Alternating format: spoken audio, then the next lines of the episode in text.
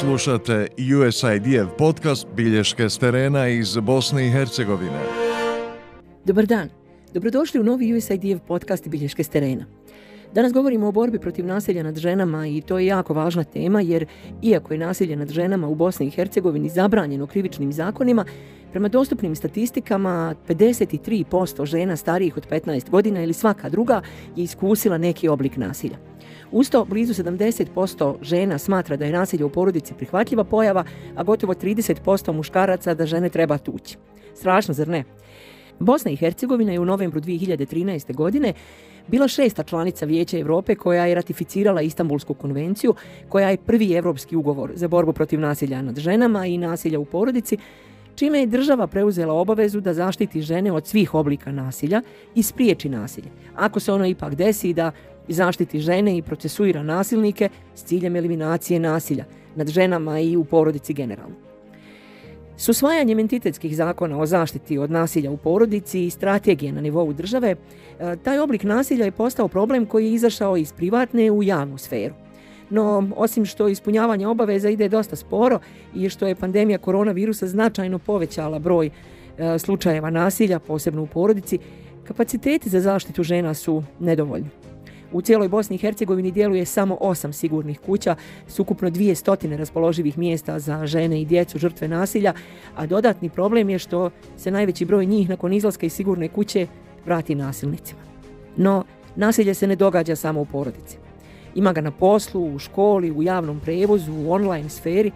Usto postoje grupe žena koje su posebno na meti seksizma, a to su djevojke, političarke, novinarke i žene koje se bave nekim javnim zanimanjima. Aktivistice koje se bore protiv nasilja nad ženama upozoravaju da Bosna i Hercegovina nema jedinstven registar podataka o žrtvama i nasilnicima, kao ni jedinstvenu evidenciju nasilja u porodici. Policija najčešće ne provjerava poštivanje mjera zabrane pristupa nasilnika žrtvi, a osim toga u Bosni i Hercegovini ne postoje ginekolozi, policajci, vještaci i drugi stručnjaci obučeni za rad sa ženama žrtvama nasilja. Usto, oni koji monitorišu suđenja za nasilje nad ženama upozoravaju da je ogroman broj sudija i tužilaca koji ne razumiju značaj ovog oblika nasilja. Silovateljima često gledaju kroz prste i smanjuju kazne jer su, citiram, slabog imovnog stanja ili imaju brojnu porodicu.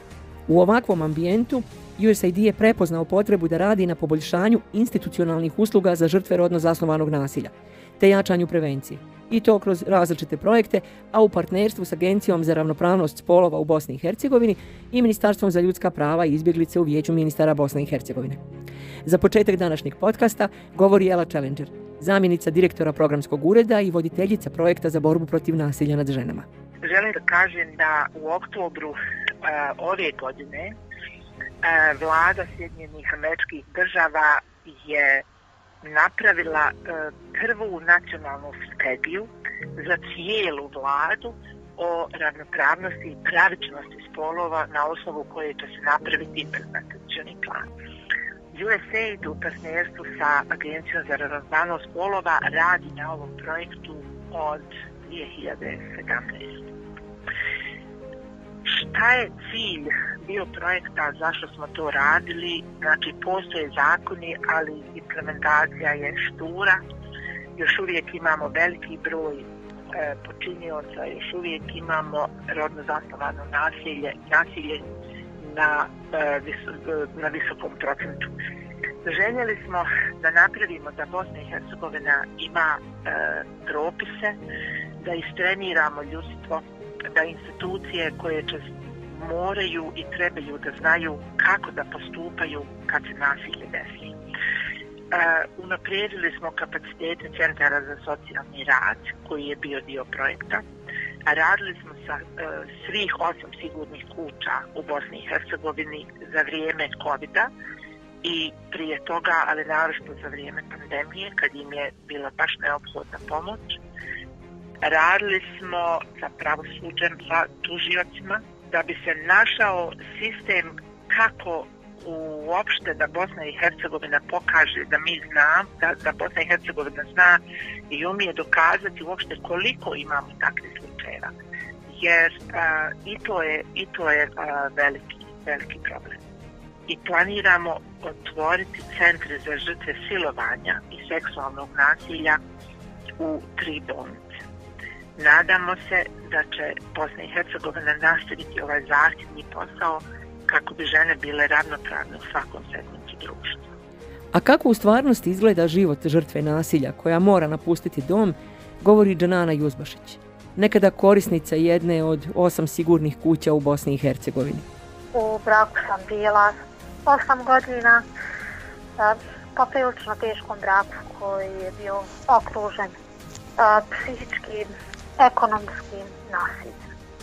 Od 2014. zvanično više nisam u tim nasilnim odnosima tako da trenutno a, živim sa djetetom, umeđu vremenu su se i udala ponovo a, i zapos, stalno sam zaposlena, puno radno vrijeme, u stanju sam i mimo ovog sadašnjeg braka da izdržavam sebe i svoje dijete bez problema, tako da hvala Bog da nas živim bez ikakvih problema jednim sasvim normalnim životom meni u suštini nikada nije falilo samopouzdanja.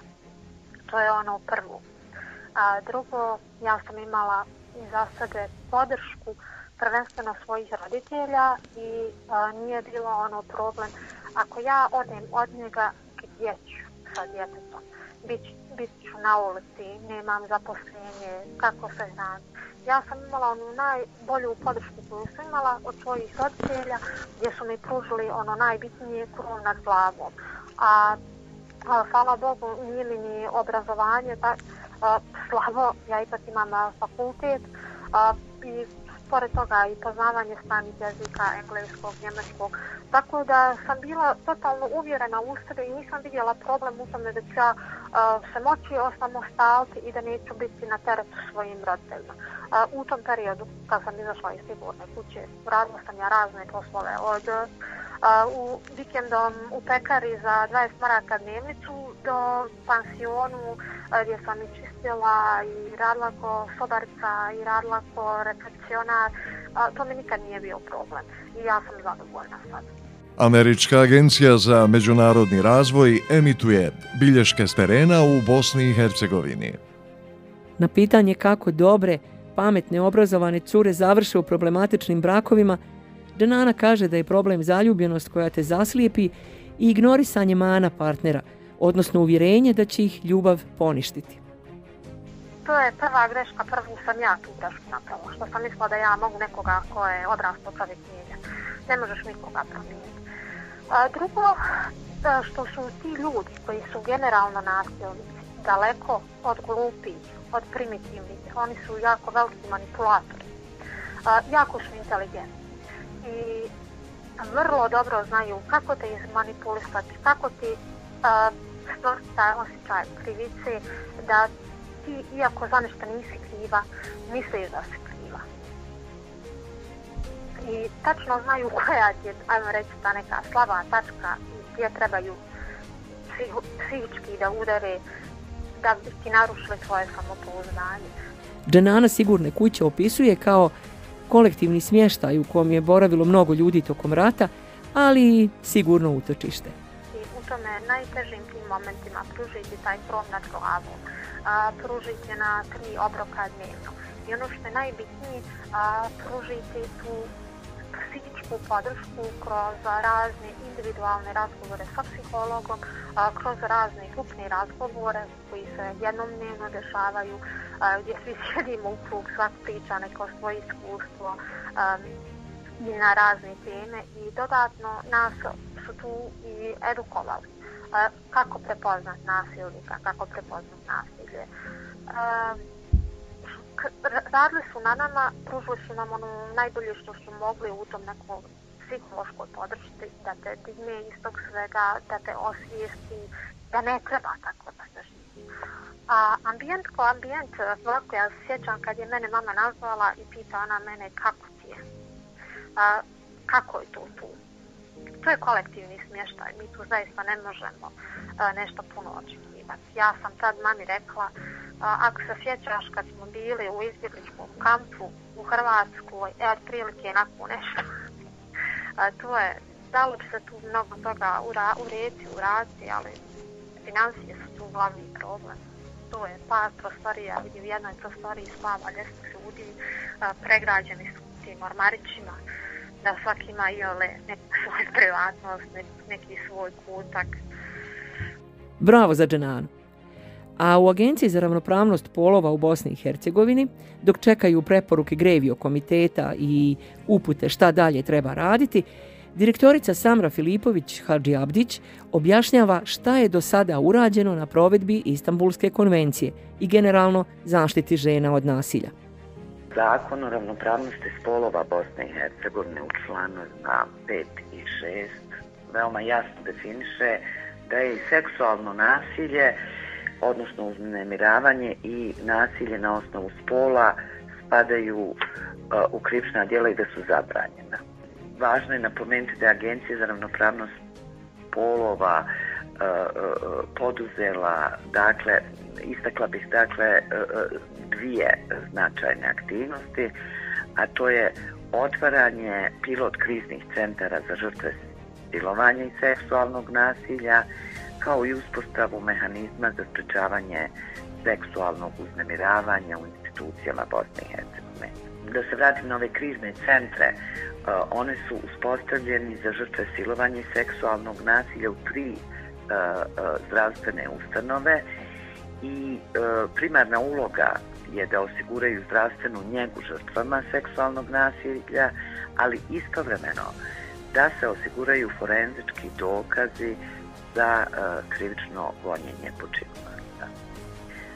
Zdravstvene ustanove u Sarajevu, Mostaru i Tuzli su prepoznali značaj e, i potrebu uspostavljanja tih centara i e, nadamo se da ćemo već imati otvorenje početkom narodne godine. E, u ovim aktivnostima Agencije za ravnopravnost polova Bosne i Hercegovine značajnu ulogu ima i sradnja sa nevladnim sektorom i da smo potpisali memorandum sa sigurnom mrežom Dakle, to je mreža nevladnih organizacija koja broji 22 nevladne organizacije.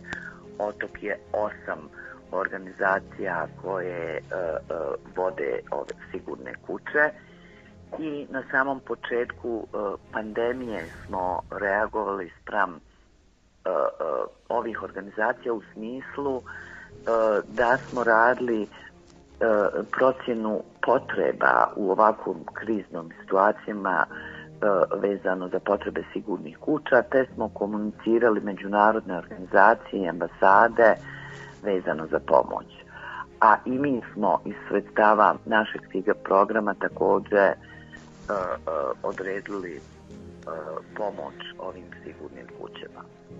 Problemi koji se javljaju je svakako teritorijalna rasprostranjenost, odnosno nedostatak teritorijalne rasprostranjenosti ovih osam kuća u Bosni i Hercegovini, kao i njihovo finansiranje. U Republici Srpskoj imamo zakonski regulisano, u federaciji se čeka novi zakon o zaštiti od nasilja u porodici, gdje će se na adekvatni način riješiti finansiranje. A sad malo govorimo o budućnosti koja bi mogla biti mnogo vedrija. Naime, Jasmin Bešić, direktor USAID-evog programa Inspire ili Inspiracija, govori o netom započetom projektu koji bi jednom broju žena žrtava nasilja mogao osigurati bolju budućnost. E, s obzirom na ranije odlične rezultate koji smo imali u drugom jednom programu, e, Inspire će podržati u narednih nekoliko godina 20 općina i gradova u izradi održivog modela za stvaranje prilika za zapošljavanje ranjivih žena i drugih osoba. E, zatim će, kad uvedemo ove modele, ove zajednice, zajednice će raspisati javne pozive i dodijelit će grantove za startup biznise, među kojima će prioritet imati žene koji su žrtve nasilja zasnovanog upravo na tome zato što su žene. Radimo to da bismo uveli transparentan i održiv način podrške e, marginaliziranim grupama žena, E, da bismo animirali lokalne zajednice da na preduzetnice gledaju kao značajan ekonomski resurs i potencijal, a ne kao problem, e, da, da bismo svijestili žene koje su između ostalog i žrtve rodnog nasilja, da mogu samostalno brinuti o svojoj egzistenciji i da ne ovise ni o kome drugome, ali i da bismo promijenili sliku javnosti o ženi kao žrtvi u sliku žene kao aktivnog člana društva jel, nama je vrlo važno naravno da žene ovdje postignu i određeni uspjeh da naprave dobre rezultate, dobre biznise, ali prije svega nam je važno da socijaliziramo e, žene koje su na neki način na margini društva i da pokažemo da e, i one mogu biti korisne u zajednici. Mi smo s toga raspisali javni poziv prije nekoliko mjeseci i uh, mi smo uvijek zadovoljni brojem uh, E, lokalnih zajednica koji se prijave. Nažalost, mi ne možemo podržati sve one koji se prijave, bili ih je preko 40, jer nema toliki fond e, kroz koji mi podržavamo 50% ovaj, sredstava, drugih 50% daju lokalne zajednice.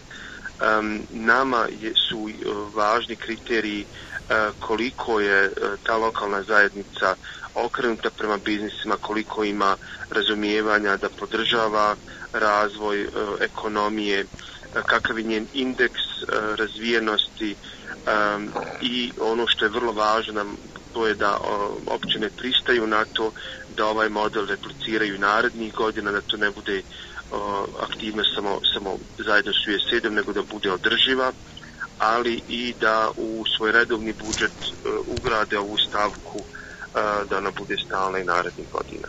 Dakle, moguće je spasiti se. Bilješke s terena iz Bosne i Hercegovine.